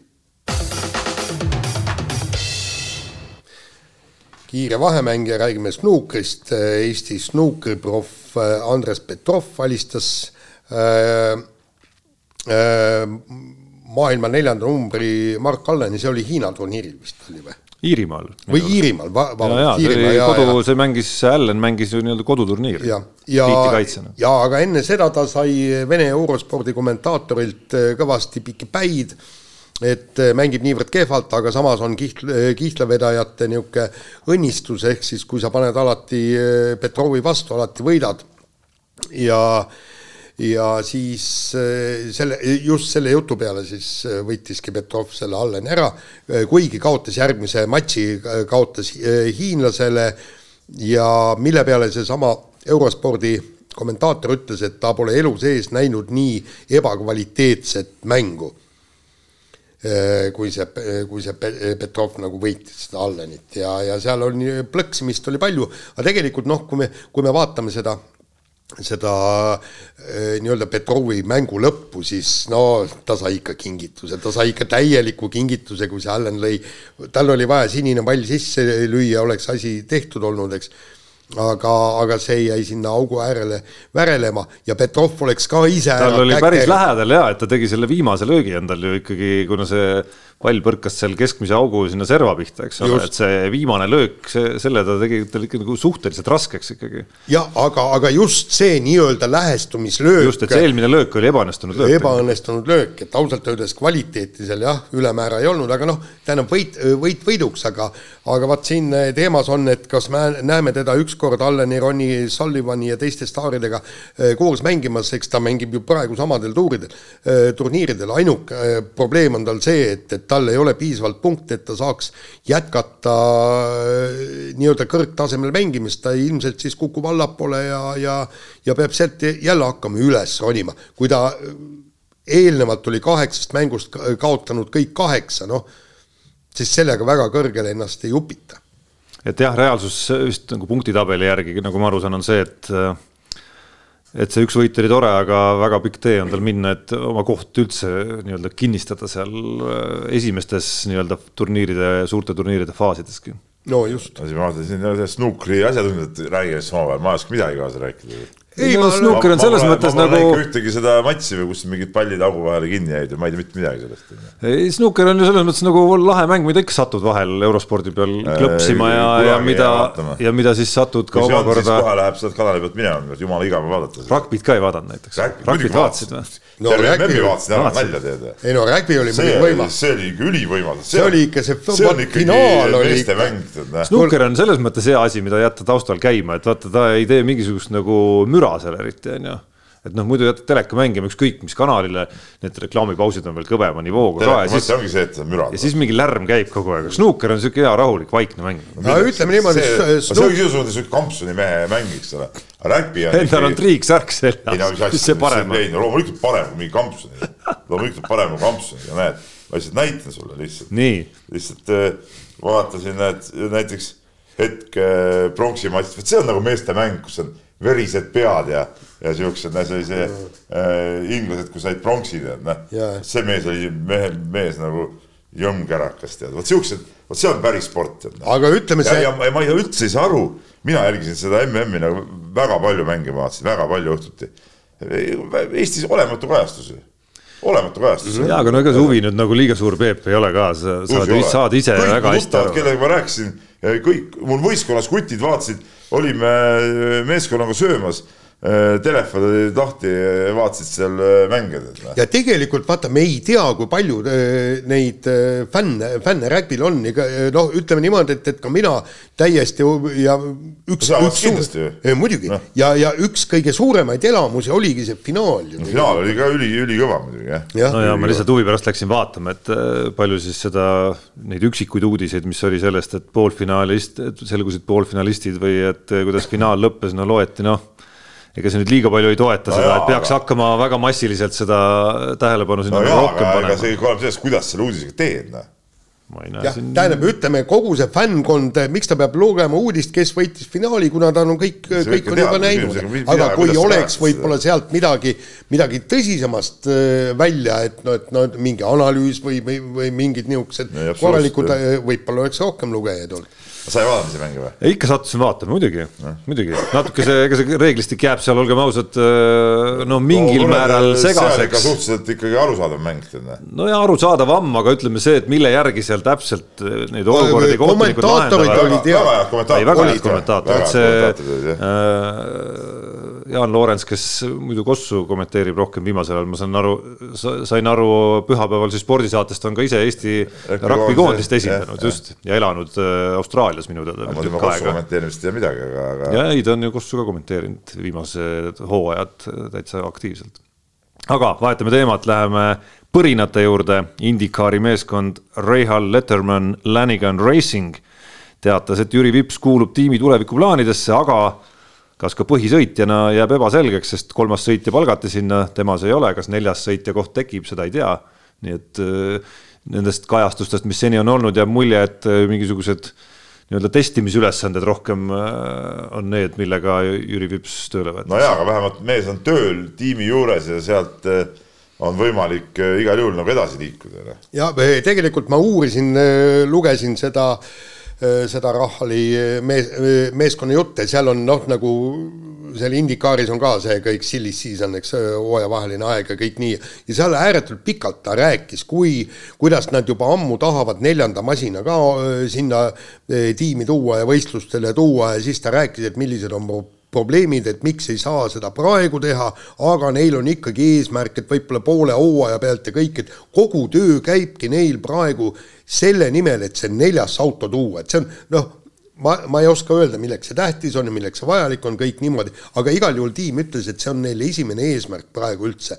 noh, peale selle nii-öelda tulemuste saavutamise, et neljas auto tuua ja, ja, ja see ongi põhjus, miks nad Vips enda, enda juures hoiavad, siis on neil kohe olemas mees võtta, kes sinna neljandasse autosse panna. väga hea, väga hea, see on, see on hea variant, et see mees, ütleme, teenimatult äh, põhja lastud mees saab ikkagi võimaluse nagu midagi teha. nii, aga lähme edasi Paide jalgpalli linnameeskonnaga ja president Veiko Veskimäe ütles siis äh, oma klubi kodulehele antud intervjuus, et äh, Paidest võiks saada Eesti jalgpalli pealinn ja linnameeskonnast parim klubi. siin no. on, siin on muidugi jah, siin küsimus on meil ka püstitatud, et mida me hakkagi ette lugema, see on ilmselgelt Jaani kirjutatud. aga küsimus on see, kas tegemist on täitsa realistliku plaaniga või mitte ei, või tähendab, mina, mina ei pannud miks see esimene teemasid. pool ei sobi sulle? ei no. mulle ütles kunagi kadunud äh, selle väljendi. Äh, noh, selge, et siin saab intrigeerida siin omavaheliseks äh, teema sissejuhatuseks mõeldud tekstides rohkem kui võib-olla kuskil kuskil nii-öelda eetris, aga mulle ütles kunagi selle väljendi, ehk siis väljendi nimi on telefoniposti püksi ajamine. ütles kunagi kadunud Andrus Nilk, keda ma noh, nagu elu lõpuni jään austama, Peep ja Jaan teavad väga hästi, et ma pean oma teda teda oma nii-öelda nagu esimeseks nii-öelda ajakirjanduslikuks õpetajaks, kui ma kunagi noore poisina toimetusse tulin. aga siis oli mingi hetk seal kuskil üheksakümnendatel, kus ma kirjutasin ühe kommentaari vist Äh, mille mõte oli siis see, et seal oli see teemaks oli kuidagi klubide koondis Kalev ja no mingid sellist, sellised teemad olid õhus ja kus ma siis äh, esitasin sellist natuke naivistlikku unistust, kuidas meil võiks nagu kaks, kaks nagu Euroopa tasemel siis nagu sihukest nagu Kalevi tasemel sihukest omavahel siin konkureerivat ja siis nagu Euroopas sellist nagu heal tasemel satsi olla ja siis, kui Andrus Andrusega kohtasin järgmine kord kuskil Kossu saalis, siis ta ütles selle kohta, et noh, et sa hakkasid nüüd küll telefoniposti ikkagi püksi ajama. ei, äh, tähendab, äh, mul on väga selge arusaam, et, et jah, Paidest võib saada jalgpalli pealinn, aga selleks peavad olema korralikud baasid, korralikud kompleksid, mängijad peaksid elama Paides, treenima Paides, seal peaks olema noortesüsteem ja ta peaks olema nagu Eesti keskpaik. keskpaiga absoluutne koondav. koondav, kus, kus võetakse nii paremalt kui vasakult parimaid noormängijaid akadeemiasse, eks seal on väga äh, tugevad treenerid, kõik niimoodi, et seda annab küll üles ehitada, aga kas Paide on selleks võimeline no,? seal lõpuks... peaks olema kompleksid, seal peaks olema neli, viis, kuus väljakut, eks, et, et kõikidele noortele ja nii edasi, esindusstaadion ja noh. ei, ma ütlen, seal peaks lõpuks olema, ütleme päris tippu vaadates peaks ju olema ka, ma ei tea, viis tuhat pealtvaatajat staadion, mis reaalselt siis äh, hakkab äh, tähtsatel puhkudel täituma ka. jah, tõsi, äh, minu arust seal Veskimäe, no esiteks on äge, et selline ambitsioon on üldse olemas ja, ja öeldakse välja ka.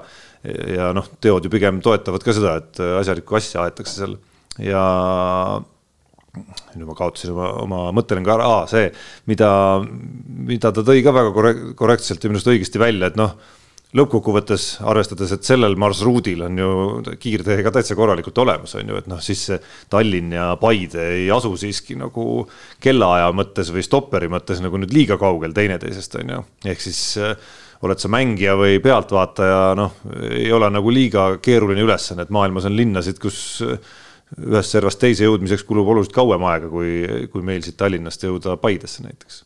oleks oleks Paide Saksamaal, siis Tallinnast äh, Paidesse kolmkümmend minutit, kakskümmend viis minutit.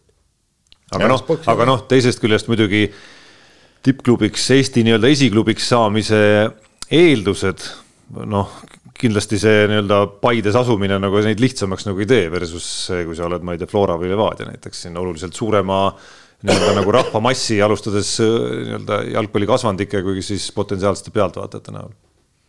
nii on nii, aga võtame järgmine, järgmise teema ja räägime taas kord korvpallist ja, ja te olete juba maininud seda meest, kellest me räägime, et, et kas äh, Rain Veerandi on siis Eesti korvpallis võib-olla tõesti kõige kõvem tegija üldse rahvusvahelisel tasandil, et äh, no kui mees pannakse tegelikult Euroliigas vilistama Belgradi derbit, noh, see e eile oli ju see ETV-s oli, oli see videoklipp ja see on ikka täitsa hullumaja ja kui mees ka julgeb seda minna vilistama. see oleks küll no, tase muidugi, kui Rain oleks öelnud.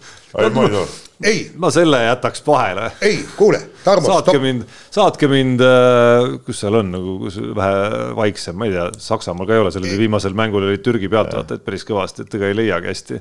no Hispaanias on sihuke sõbralikum, ütleme. ei, kuule, tegelikult ma ütlen, et, et kui panna, äh, kui öö, äh, kohtunik saab ise aru et ta ei ole sellel tasemel, et niisugust derbit vilistada. ma usun, et see mees ütleks ära, ütleks. ma arvan, et sellega, sellega sa tõmbad kriipsu enda vilistamisele peale, et sinna tahetakse mehi, kes, kelle ambitsioon on ikkagi vilistada Final Fouril ehk et hakkama saada kõigil, kõikil tasemel. küsimus jah ei ole selles, kriipsu, kui sulle antakse selline mäng juba, see näitab, et nende määrajate silmis su tase kannab ja. seda välja, sest et kõik, kes sinna määravad neid kohtunikke, kõik ju teavad, mis, mis seal see vilistamine tähendab. Noh. see ei ole ja, mingi tavaline asi. ja kriipsu sa võid peale tõmmata ka sellega, kui sa lähed seda mängu vilistama ja täielikult läbi kukud. no ja, aga no öelda eos, et ma ei saa hakkama nagu antud juhul, olles sellel tasemel, kus kõik nad, ma arvan, on nagu mingis tehnilises mingi, mingis, mingil määral noh, nad on ületanud mingi lävendi üldse, et nad üldse on pääsenud sinna Euroliiga sõelast läbi, noh siis ma arvan, et neil kõigil on olemas ambitsioon ainult äh, nii-öelda saada neid veel tähtsamaid ja kaalukamaid määramisi ja ja, ja lõpuks töötada ennast nii-öelda absoluutsesse tippu välja, et äh, ega midagi ei ole öelda, ongi vist Eesti korvpalli nagu kõige kõvem tegija praegu. no mõnes mõttes küll jah, midagi pole ütelda, väga, väga kõva, ma jah. Kas sa kodus, kas sa, kas sa kodus treenerina ka tunned, et äh, kui Peerandi vilistab mängu, siis ikkagi A on vähe teine tase ja B võib-olla oleks nagu kohasem mokk natuke rohkem maas hoida. noh, kas mokk maas hoida, aga kindlasti tase on teine. kindlasti tase on teine, ei no kuule, kuule, kui mees saab hakkama seal sihukeses põrgukatlas, siis see, mis siin Eestis mina või ma ei tea, keegi teine siin midagi kobiseb natuke, see on mingi lasteaialaline ju selle kõrval, noh, see nagu noh, siin polegi midagi arutada, ei väga kõva, ülikõva minu arust, noh, ülikõva aga jääme sujuvalt korvpalli ja, ja Keila sündmuste juurde. noh, Peep, kuidas oli siis esimene euromäng elus? vastas ikkagi, no olgem ausad, meie mõistes korüfee Ainar Spagatskis, noh. väga suur korüfee äh, jah, hommikul enne mängu sai temaga natuke juttu ka puhuda ja, ja ei täitsa, täitsa tore oli. mees, mees oli kõigega täpselt kursis, uuris, mis meil siin hooaja alguses toimus, mis värk oli küsis kohe, et kas rahad olid mängus, kui rahad on mängus, siis ikka juhtub igast asju. et ütleme, mehel oli informatsioon, ütleme väikses Keilas toimuvast oli, oli täiesti olemas nagu, et see oli päris, päris, päris naljakas, aga no ma Pagatskist teadsin muidugi varasemast ajast ka, ma olen temaga elus nii mõnegi korra nagu vestelnud ajakirjanikuna ja, ja, ja, ja, ja ei, tore mees, aga mis mängust rääkida, noh, ma ei tea, pool mängu olime mängus tegelikult, isegi tegelikult võib öelda isegi kolmveerand aega praktiliselt, et see lõpp läks seal natuke natuke lappesse, aga, aga seal kuskil kolmanda veeranda keskel oli veel ka vahe vist kuus silma, et, et et ei olnud nagu väga hull, aga, aga tase oli muidugi kõva ja noh, mis siin, mis siin salata, väidetavalt mingi üks koma kolm miljonit eelarvega klubi, et, et rohkem kui, kui Kalev Cramoral siin välja panna ja, ja eks seda need, need mehed ja need kujud nagu ilmselt andsid ka märku sellest rahast, mis seal kasutada on, et, et päris, päris äge oli. Ja ei no aga tegelikult see on mõistlik niisugune teha rahulik algus, siit saab ainult paremaks minna. Nagu ja, ja siit saab ainult paremaks minna, täpselt, äh, täpselt nii, nii see on, aga ei, ei no,, ma, sa... ma ütlen, et, et see, kuidas ikkagi kaitses äh, seal vennad võtsid, kui füüsiliselt nad mängisid, see oli ikka hoopis jälle väga, väga, väga kõva tase, noh no kui sa juba mainisid siin saates äh, korvpalli podcast'i, mida sa teel siia kuulasid, siis said sa ilmselt selle oma piitsutusraundi ka kätte ilusti tee peal. et mis sa kostad siis vastuseks neile, kes A, no ma pean silmas mängumehi ja, ja Saage, Saaget ja Venet, kes seal A ütlevad, kas, et mis mõte oli sinna mängu ja te suretate ennast seal tegelikult nagu ära ja B, kuidas noh, kaitset pole teil ollagi ütleme, ma lihtsustasin neid lauseid praegu siin kõvasti. ma seda äh, podcast'i kuulasin eile juba, ma siia tulles kuulasin seda Kullamäe ja, ja, ja, ja nende juttu. Äh, mis ma ütlen, no mis, äh, igaüks räägib, mis tal sülg suhu toob, mina olen jätkuvalt veendunud, nagu ma ütlesin ka pärast mängu Ivarile antud intervjuus, et jumala õige samm ja tuleb selliseid asju teha ja ja, ja mul oli nagu hea meel näiteks, et Gert Kullamäe tuli mängu vaatama, saatis mulle päeval sõnumi, et et ta on ikkagi nagu siin euro euroasjade nagu entusiast ja, ja, ja tuleb vaatama ja tuli kohale ja ja vaatas ja, ja pärast mängudega rääkisime ka, et, et noh, see ongi see, et, et sa peadki saama neid siukseid, siukseid mänge, et, et et noh, me ei vaata ju seda kogu seda asja siin mingi ühe hooaja perspektiivis, et noh.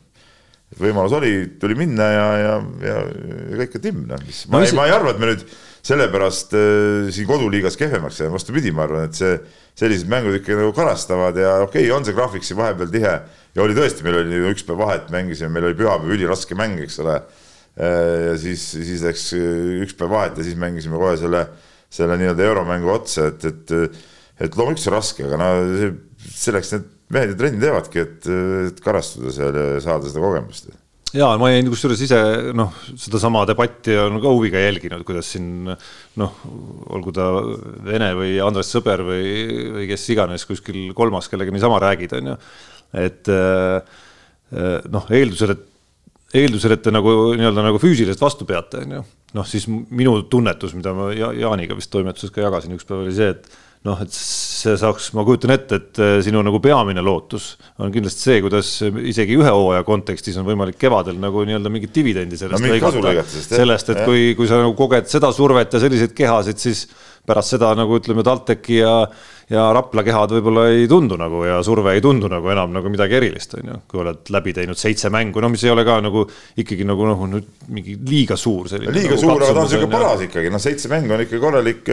aga nad on ajutatud ikkagi ju kas veebruari alguseni kuskil välja. ja, ja, et korralik äh, mängude arv, et noh, siin ongi nüüd äh, oktoobris üks, novembris kaks, detsembris üks. no et sihuke üks-kaks lisamängu kuus on ju, on see, et selles mõttes nagu mõistlik. on väga, väga mõistlik ja no kokkuvõttes ma ütlen, et et need jutumehed on, on kõik kõvad, aga no mis, mis me siin siis pusime siin omavahel ainult ja ja, ja, ja mängime siin ainult Rapla ja, ja, ja Pärnu ja, ja, ja Tartuga, eks ole, mingi neli-viis korda hooaja jooksul, et et juba see, no siin on kritiseeritud seda, et, et noh, Lätiga koos liiga ongi, just sõitsime Liepajasse siin abitreener Evart ütles ka, et, mõtle, kui nüri oleks, kui me peaks mängima äh, ainult Eesti klubidega omavahel ja, ja, ja neli korda umbes läbi, eks ole, et, et see nagu ei paku mingit pinget, aga nüüd on vähemalt eh, suur liiga, igaühega paned, eh, paned kaks mängu, see teeb juba Eesti-Läti liiga, eks ole, väärtuslikuks. sai nüristused ära sellega, noh, saad need veel need mingid äh, muu liiga mängud sinna juurde, noh, ongi, ongi nagu timmhooaeg, et, et, et palju erinevaid vastaseid ja, ja, ja kui me räägime siin mingit mängijate, mängijate arengust, siis ma arvan, et niisugune asi nagu arendabki neid. Peep, sa oled kogu aeg ju nii-öelda Eh, euromängude fänn olnud sul noored mängisid ka ju seda eh, noort, eh, noorte rahvusvahelist liigat. ja, ja, ja kui palju meil Eestis tegelikult oli meeskondi, kes mängis? seal oli, aga ütleme, kui ma vaatan, kes, kes on jäänud praegu, ütleme sellest põlvkonnast mängima, siis need kõik need mängijad ongi nendes satsides, kes mängisid neid, neid no. Euroopa noorteliiga asju ka, noh, et, et ja, see paratamatult nii ongi noh ja sa ilmselt oled näinud nende mängude kasu juba noorte no,. loomulikult, loomulikult, loomulikult, no see, see, ma võrdlen seda täpselt sama asjaga, noh, et see tulebki, selle esimene aasta võibki väga raske olla ja noh, saame näfakad kätte, siis saame, aga aga kui, kui elu pakub võimalusi, siis järgmine aasta oleks kindlasti nagu parem ja lihtsam ja mõnusam. nii on. laseme kõlli Unibetis saab tasuta vaadata aastas enam kui viiekümne tuhande mängu otseülekannet. seda isegi mobiilis ja tahvelarvutis. Unibet, mängijatelt mängijatele. Nonii, kas Tšehhoslovakkia lauatennis on tagasi pildil? jaa, Tšehhoslovakkia lauatennis on tagasi pildil ja, ja täna alustasin siis kõigepealt kaotusega. Äh, Peeter, Peeter Monik siis ütleme Äh, kaotas mul, ma panin kümpa peale sinna. Ei tulnud, aga siis tegin veel kiire niimoodi nagu, kui kaotasin, mõtlesin, et oot-oot, nii ei saa seda päeva jätta ja siis äh, äh, Bronislav äh, Roubal siis äh, tõi mulle omakorda võidu, nii et äh,, nii et kokkuvõttes, kokkuvõttes on siis niimoodi, et äh, ma jäin nagu tegelikult nulli selle päevaga, et, et selle, mis ma ära kaotasin, ma võitsin, võitsin kohe tagasi, et ma mingi ühe euroga jäin miinusesse vist. No selge. kolmsada viiskümmend neli on praegu nii, minu, mina jäin selle nädalaga nulli, aga noh, tähendab tegelikult sellest vanast peast on tegelikult teinekord ka kasu. et tahtsin Ott Tänaku unustasid peale. kõik panused ära, kõik panustamised ära, mis Muide. oleks kaotanud tegelikult. ei, tegelikult oligi niimoodi, et oligi nii, et, et Ott Tänaku puhul mul oli kõik, et tahtsin tema peale panna kõik, eks, et aga, aga kuna mul oli seal sähvimist ja artikli tegemist ja kõik ja mõtlesin, et noh, et siis kõik, kõik panen, järsku vaatan, põmm, juba ralli käib, on ju, eks. nii, ootamatult. Teine, mille ma ära unustasin, oli muidugi panna Verstappeni peale. startis ju, mis ta oli, kolmandad kohad ja, ja kõik, aga noh, aga ma isegi koefitsienti ei vaadanud, aga, aga, aga sellega unustasin ära ja kolmas, mis mul oli uitmõte ja taas ei pannud ma tahtsin räkib finaalis Uus-Meremaa, ma fännan Uus-Meremaad tahtsin Uus-Meremaa peale panna.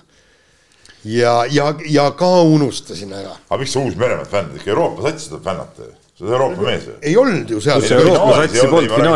Ei, MM-il ma räägin tervikuna. no inglasi või. mina, mina fännasin küll inglasi igal juhul. no väga nad mängida ei oska, aga ma ei tea, pronksmedali said ikkagi. nojah, aga, aga kuidagi see Uus-Meremaa vennad on niisugune lahedad luge-, lugesin just Uus-Meremaa Krimkat ka muide, samal ajal, nii et. no mina jäin nädalaga väikse miinusesse, tegin oma panuse klassikat omade vastu panustamine Graamo esimese euromängu ajal, kui nad ette läksid seal alguses pikalt. kalastasin siis nii-öelda kõrge koefitsiendi madala panusega, et, et äkki vastased tulevad tagasi aga oli hea meel, et ei tulnud ja nii ta siis jäi, aga kadu oli ka üsna väike. nädalavahetusel jätsin kõik mu mõtted jälle realiseerimata, mis tagantjärele tarkusena oleks võidu toonud. nii et ei ole minus seda õiget mänguri ainest ikka, ma vaatan siin kogu aeg on vaja jätta panemata õiged asjad. tont jaadu. jah. mis muud oskame selle kohta ütleme nii.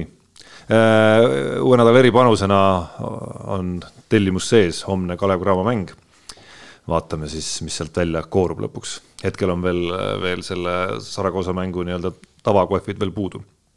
Lähme kirjade juurde. Lähme kirjade juurde, Mait on meile kirjutanud ja, ja autoralli maailmast äh, kirjutab nii, et et tiimijuhtide kõige ebaloogilisem jutt on see, kus ülistatakse tootjate tiitlit, see ei huvita ju mitte kedagi. kuna see ei huvita mitte kedagi, ei saa see huvitada ka tiime, sest nende peamine toimimisloogika peaks olema võimalikult suur üldsuse huvi Eh, kui üldsust huvitab eh, sõitjate tiitel, siis järelikult see ongi kõige olulisem. no ei, ei no eks see, eks see põhimõtteliselt on tal õigus, aga, aga need tiimijuhid eh, noh, nad lähtuvad sellest, et mis, need noh, ütleme nende ematehased siis nagu, kelle jaoks on see tiimitiitel nagu oluline. ja toob siin muidugi huvitava näite ka, et, et kõik teavad, et Solberg tuli maailmameistriks Subaruga, kui paljud teavad, et tootjate tiitli võitis tegelikult sel hooajal Citroen Äh, või teine asi on üldteada, et Tommy Mäkinen tuli Mitsubishiga maailmameistriks neli korda. keegi ei tea, et selle perioodi sees sai meeskonna Subaru kaks tiitlit ja Toyota ühe. ja aga, aga see, see on ju see kildkond, kus, kus võitlevad omavahel, mitte, mitte Rovanpera ja Tänak, vaid omavahel võitlevad Hyundai ja. Hyundai üldse tehase peaboss Ja. Toyota tehase peabossiga. just täpselt ja kui te vaatate kasvõi kui Hyundai tuli äh, võistkondlikuks maailmameistriks, siis äh, mäletate, need lehes äh,, lehtedes olid suured küljesed reklaamid, kus oli umbes, umbes see reklaami mõte, ja ma arvan, et mitte ainult Eestis, oli see, et me oleme maailma parim auto sellepärast, eks, et me tulime meeskondlikult. Äh, kui tuleb, Ott Tänak tuli maailmameistriks, siis tema on kõige kiirem võidusõitja maailmas ja aga kui tuleb meeskondlik tiitel, vot see on kõige kiirem. see näitab, et, et sinu autod, ütleme kõigil on mitu autot, aga sinu auto on siis kõige parem, sest et nende eh, kõikide autode summa summarum, mis ta on ja. nagu parim, eks ole, et see on, see on, sellest tuleb nagu aru saada jah, ja sellesse nagu loogiliselt suhtuda. ja kusjuures kõige, kõige eh, eh, paremini ütles selle välja ju kunagi Tommy Mäkinen ta, ta ju ütles, et, et mina, kes ma olen neljakordne maailmameister, ma tean, et tegelikult publikut ei huvita see, et, et kes tuleb, aga ta ütles paraku Toyota bossid on mulle andnud kohustuse tulla või eel, eelkõige võistkondlikuks ja kui te selle kõrvalt napsate ka individuaalse tiitli, siis on väga hea. Mitmekordne võistkondlik maailmameister on Ott Tänak, sa tead või? üks aasta võitis võitsid M-spordiga, kui ta oli M-spordis. jaa, ei, kas ta kaks korda isegi võib-olla. jah, ja Hyundai'ga võitis ka ühe korra. aga Toyota ajal nad ei võitnud? aa, kindlasti võitis no.. et selles suhtes ütleme, võistkondliku maailmameistrina on, on, on täitsa huvitav, jah. kusjuures kuigi, kuigi, kuigi ma vaatan, et ega noh, isegi kui sa lähed Vikipeedia lehele, siis seda nagu arvestust siin nagu eraldi välja ei ole isegi toodud, et, et mitu ta nagu mit, mitmeosaline ta on nagu tiimivõidus olnud, mitmest tiimivõidust ta on osaline olnud. kui sa võtad WRC enda, siis, siis sa näed ju need, kes tiimid on seal. jah, aga arvestage, sealt tuleb päris korralik boonus. ei muidugi raha, raha. rahaline ja, boonus tuleb. raha, raha on põhiline. nii, aga Marko kirjutab meile ja kirjutab, et on äh, meie vana hea kuulaja-vaataja alates Kalev spordi ajast, ajast äh,. vahele pole jäänud mitte ühtki osa ja aga äh, ta siis toob välja, et selle aasta jooksul kiidame alustuseks, enne kui sa nüüd lähed sujuvalt üle, teed pausi, hingad sisse. Markot me, me jõuame kiita, et äh, aga nende aastate peale koguneb üksjagu palju huvitavat sõnavara ja toob siin välja mõned näited, et Saks on siis praegune äh, õnnepalee, ma ei tea, kas õnnepalee tähendab inimestele midagi eriti ütleb. No triiphoone, loomulikult kasvuhoone, eks ole, no mis on nagu loogiline, kerge atleetika, värav pall, uglavoi, kas sa tead, Tarmo, mis on uglavoi? no ikka tean. tead ikka, jah no Eh, Portugaalia näiteks et need on siis ühed vähesed, mis hetkega pähe tulevad, ta kirjutab. ja minu küsimus, millised on veel need õiged sõnad või väljendid, mida üks teie saate pikaajaline jälgija kindlasti teadma peaks? kuule, üks on juba, tegelikult ma mikskipärast arvan, see võib olla meie saatest. vähemalt meie oleme osaline, mis on läinud tõesti nii-öelda laia Eestisse kõlama. eile vaatasite AK spordiuudiseid. kui äh, mingi tibi rääkis, kuidas, kuidas hakkavad seal äh, mängima taaskord selle Armeenia vastu. Ja ta äh, kirjeldas e esimest mängu, et algus oli kobeline, aga siis tuli meil tuhh peale. tuhh, jah. jah et, et ühesõnaga ta on jõudnud juba naiste jalgpalli ja täiesti rahulikult inimesed no, räägivad. no nüüd sa nüüd üle hindad, ma arvan, et. ei, me ei hinda, me oleme siin. meie saade siin pole ainus, kes ikka kasutab seda. ei no tuhki kasutab, tuhk on vana, iseenesest nagu vana väljend, eks ole, aga, aga aga kindlasti ütleme, nooremad inimesed on, on seda kindlasti meie kaudu siit saab päris palju tead noh. kus sa veel kuuled seda tuhki? ah kuule, kui ma löön sisse, ma arvan, kasvõi Delfi spordi kogu arhiivi otsingusse selle sõna, siis ma arvan, et eh, neid sportlasi, kes on kuskil intervjuudes eh, või treenereid, kes on kasutanud ja. seda, on küll ja küll, ilma et nad peaks olema meie saates seda kuulnud, ära nüüd üle hinda ennast nõus, aga kes saatejuhtidest kasutab seda, kas Anu Säärits kasutab seda või? või Tiisler? Diisler võib-olla isegi vana diisel võib tuhhi kasutada küll, siin pole midagi, midagi. aa, su mõte oli, et äh, intervjueerija küsis seda, mitte vastaja ei vastanud või? sa, sa rääkisid? ei, ei, vastaja vastas, vastas, no, vastas. Okay. ei, aga meie olemegi oma jutuga selle käinud. ei no siin on. tuhh on oluline muidugi. no selge pilt ja siin saates kõlas veel ma, kuna ma teadsin, et see küsimus äh, on saadetud, siis ma mingil hetkel kirjutasin üles endale siia saate ajal, kui Peep kasutas väljendit anšlaag. jah, anšlaag, jah. aga muide, üks, mida meie kahjuks saates ei kasuta, aga ma kodus ka. tõlgi ära ka nüüd ikkagi. et kui, kui sa ütled seda lause osana, kõik saavad aru, on ju, aga siis, kui sa pead nüüd ikkagi sõnaraamatusse, mehed ei nuta sõnaraamatusse panema nagu vaste ka. nagu, et noh, kuidas ma ütlen siis äh, ülisuur äh, tähelepanu tippsündmus, noh, oska seda sõnastada niimoodi, umbes nii on, no kirjutan juurde, ülisuurt tähelepanu no., peame sõnaraamatu tegema ikkagi. ja, no üks, mida me oleme siin vähe kasutanud, aga ma kodu, koduses leksikas väga palju kasutan, et mina, ma ei saagi aru, trotuaar. me oleme kasutanud. jah. mis see on siis? ei no on ju, minu meelest väga ilus sõna. on, on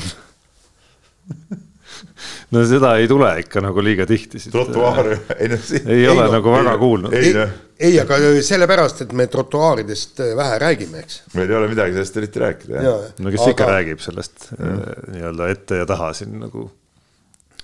et noh, ei jah, eks neid sõnu, sõnu ikka tuleb, tähendab, et, et usun, et teeme Tarmole ülesandeks hakata neid siin siis koguma. no teeme meie, teeme meie kuulajatele kindlasti üleskutse nii-öelda anda märku, kui mõni sõna on, ütleme, jäänud noh, jäänud nagu hinge närima selles mõttes, et, et tahaks ikkagi saada sellist nagu väga täpset õigekeelsust sõnaraamatulikku sellist nagu tähenduse kirjeldust ka ikkagi. et noh, siin see Jaani ja Peebu varasalv ikkagi kuskilt kuskilt iidsetest aegadest, kust nad pärit on, on äh, nagu näha ikkagi nagu lõputu. Otti Too. Otti Too, õige, õige, õige. Otti Too. selle, selle puhul tekib esimene küsimus, kuidas seda kirjutatakse üldse?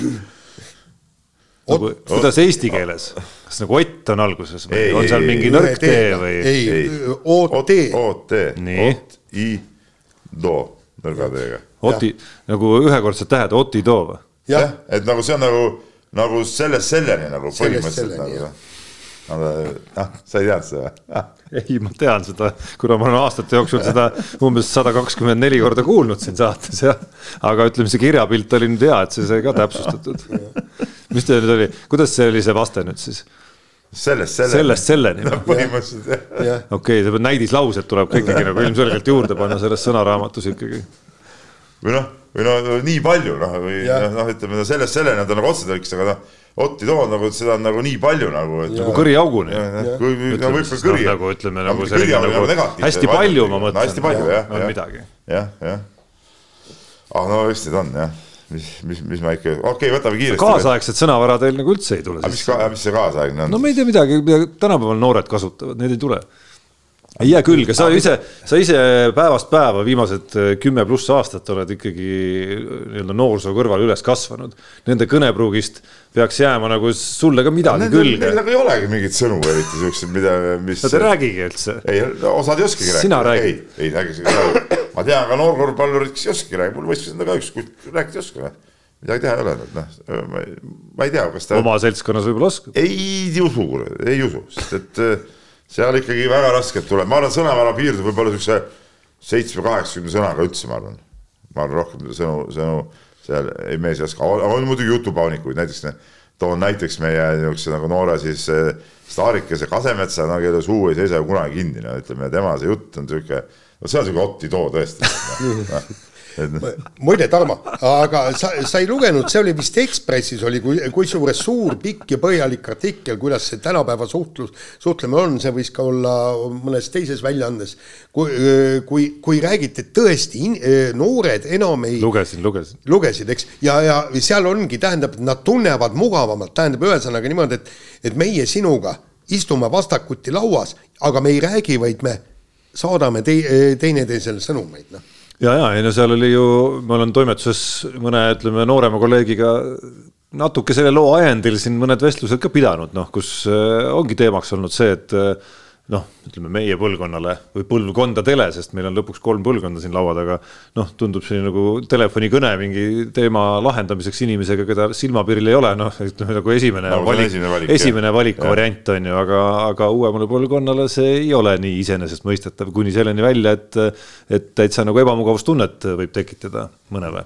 see on, see on üldse naljakas asi, et, et et oli lugu oli sellest ebamugavast tundest, mis puudutab siis. Äh, no kasvõi ma ei tea, elektrikule helistamist, et ta tuleks ja parandaks ära mul mingisuguse asja kodus näiteks. jah, ja, ja, ja paluvad äh, täitsa vanematel helistada. ja, ja et seal ju loos ju ka kirjeldasid, äh, ma ei tea, psühholoogid, kes iganes nii-öelda nagu analüüsisid veel seda ka, et millest see siis nagu tekkinud on, alates ma ei tea, sellest vähesest suhtlemisest, liiga palju nutist ja, ja kõige selleni, mis võib olla nagu kaasa aidanud, et see nii on nii, aga lähme siis viimase kirja juurde veel, siin tuli jäähoki teemaline küsimus ka ja, ja Muhv Tartust kirjutab, et, et jah, siin boksist tähendab see kõigepealt ja, et, et kus ta pidi tutvustama mulle, mulle siin mingit meest, kelle löök genereerib jõu, mis on võrdne täiskiirusel sõitva Ford Escordilt saadud löögiga. aga, aga ta küsib seda, et kas nädalavahetusel toimunud näidismatš tekitas tunde, et poks ja kogu poksimist ümbritsev on jätkuvalt korrumpeerunud. teate sellest midagi? ei, ma tean jah. küsimuse ma... tagamõte vist on see jah, et see Tyson Fury ikkagi nagu kuulutati ah, võitjaks, kuulutati võitjaks selles ja, matšis, kus ta siis UFC raskekaalu tšempioniga või noh, endise tšempioniga boksi, boksis osales ja korraks ka põrandale löödi. no mis oli päris märgiline asi, näidi-, noh, okei okay,, see ei olnud tiitlivöö peale, aga aga oli nagu päris märgiline, et see, et see asi nii kaugele nagu läks üldse. ei no aga äh, teda on ju varemgi põrandale löödud pärast, äh, mida ta on äh, võitnud. ei, ma mõtlen, et üllatavalt, ma ei näinud seda matši algusest lõpuni, aga ütleme, arvestades, et üks on tõesti väga hea nagu noh, nii-öelda nagu poksija, poksija nagu noh mm., Fury nagu nagu ma aru saan, tehnilises mõttes on ikka nagu oma suuruse kohta nagu erakordne poksija. et, et Ngannou talle nagu boksis temaga kui võrdne võrdsega vähemalt, ma arvan, et see üllatas päris paljusid. jaa, aga, aga korrumpeerunud või mitte, aga tegelikult ütleme niimoodi, et see matš Ussikuga peab igal juhul toimuma, et need tiitlid tuleb ühendada üle kahekümne viie aasta või kahekümne kolme aasta ma nagu liiga palju ei ole, noh, natuke rahvusvahelist meediast ikkagi nagu jälgides ma liiga palju ei ole nagu, jättes välja jah, sealt äh, kaotaja leerist tuleb tihti võrdsete otsuste juures nagu seda reaktsiooni, aga ma nagu neutraalsetelt äh, ajakirjanikelt või kes seal kommenteerisid, ma ei ole nagu seda tagasisidet eriti, ei ole mulle nagu silma jäänud eriti, et, äh, et kohtunikud kindlasti valesti selle otsustasid, et noh, otsus oli ju ülitasavägine ka, et, et ega see otsuse sisu oli ju ka üsna fifty-fifty tegelikult. ja teine asi, löö mees pikali maha nii, et ta ei tõuse ja ongi kõik, väga lihtne nii, aga see küsimus läheb veel äh, edasi. ja nüüd tuleb see oki osa siis, eks ole, et, et, äh, et kui see boksi teema mind poleks kõnetanud, et siis küsib, mis seisus on Eesti oki, et HC Panther mängib sel hooajal Soomes, kuid Eesti liigas need tulemused ülemäära head ei ole. et mis muudaks Eesti liiga lõpuks atraktiivseks ja tooks saalidesse inimesed. aga mul on siin väike, minu arust, äh, kas Panther ei mängi mitte seda, seda Läti liigat, mitte Läti. Soome liigat no. ja, ja, ja, ja, ja, ja seal on veel mingisugune nagu mingi Balti liiga on veel eraldi ja, ja, ja Eesti, Eesti liigas on mänginud üldse minu arust noorte, noorte meestega, et, et nii palju, kui ma Okit olen jälginud, et et mingeid äh, neid lätlastega mänge nagu tead ju Panter mängib täitsa, täitsa korralikult ja minu arust neil ongi nagu kaks, kaks eraldi, eraldi äh, satsi ja siis, mis mängivad siin koduliigas, ongi, ongi need äh, noorte põhjal tehtud võistkond, et et selles suhtes nagu midagi siin aetakse, aga aga mis puudutab Eesti okit, siis äh, mul just äh, eile rääkisin Robert Roobaga päris pikalt ja, ja nüüd tuleb, tuleb äh, koondise paus siin kohe varsti ja lähevad mängima turniiri, kus olid siis, mis ta oli, Poola, Leedu, Läti mingisugune B või C koondis ja siis Eesti ja ja, ja ta oli nagu suht elevil, et, et tuleb siia koondise laagrisse ka, et uus peatreener on ja ja noh, mingid asjad nagu siin, siin nagu arenevad ja, ja, ja midagi, midagi tehakse, et, et et eks see Oki vääriks tegelikult rohkem tähelepanu, meil üldse see tuli ka jutuks, et, et et Oki on nagu ala, alakajastatud ja, ja, ja, ja vastab ka mõnes mõttes nagu tõele, sest arvestades ka seda, et Rooba ise on ikkagi Soome liiga, mis on siis ütleme Euroopa ütleme riikide liigadest vaieldamatult kõige tugevam praegu, selle, selle ühe võistkonna kapten. ja see võistkond asub praegu play-off'i joone peal seal liigas, et noh, siis tegelikult see tase, kus mees mängib, on, on nagu, on nagu ülikõva tegelikult aga paraku no ma ütlen niimoodi, et, et see Tallinna aga, aga Rooba juttu, juttu saate lugeda kohe õite peale ja aga see, see, et, et see Tallinna Panter, vot see Tallinna ongi see, et, et võib-olla mille pärast ta niivõrd äh, suur ei ole, sest Tallinnas on seda sporti küll ja veel, Otti too. Otti too jah ja,, jälle. et kui oleks Jõgeva Panter, eks, ja, ja mängiks kõik see, ma kujutan ette, et seal oleks saal oleks ikka pungil täis või, või kuidagi ausalt, ma isegi ei kujuta ette, palju neid, eh, kui nad mängivad siin lätlastega, palju see rahvas siin käib, et, et peaks just täitsa vaatama minema, mis seal toimub, vot nii. nii, sellega on saade läbi, kuulake mind järgmine kord. mehed ei nuta. saate tõi sinuni Unibet, mängijatelt mängijatele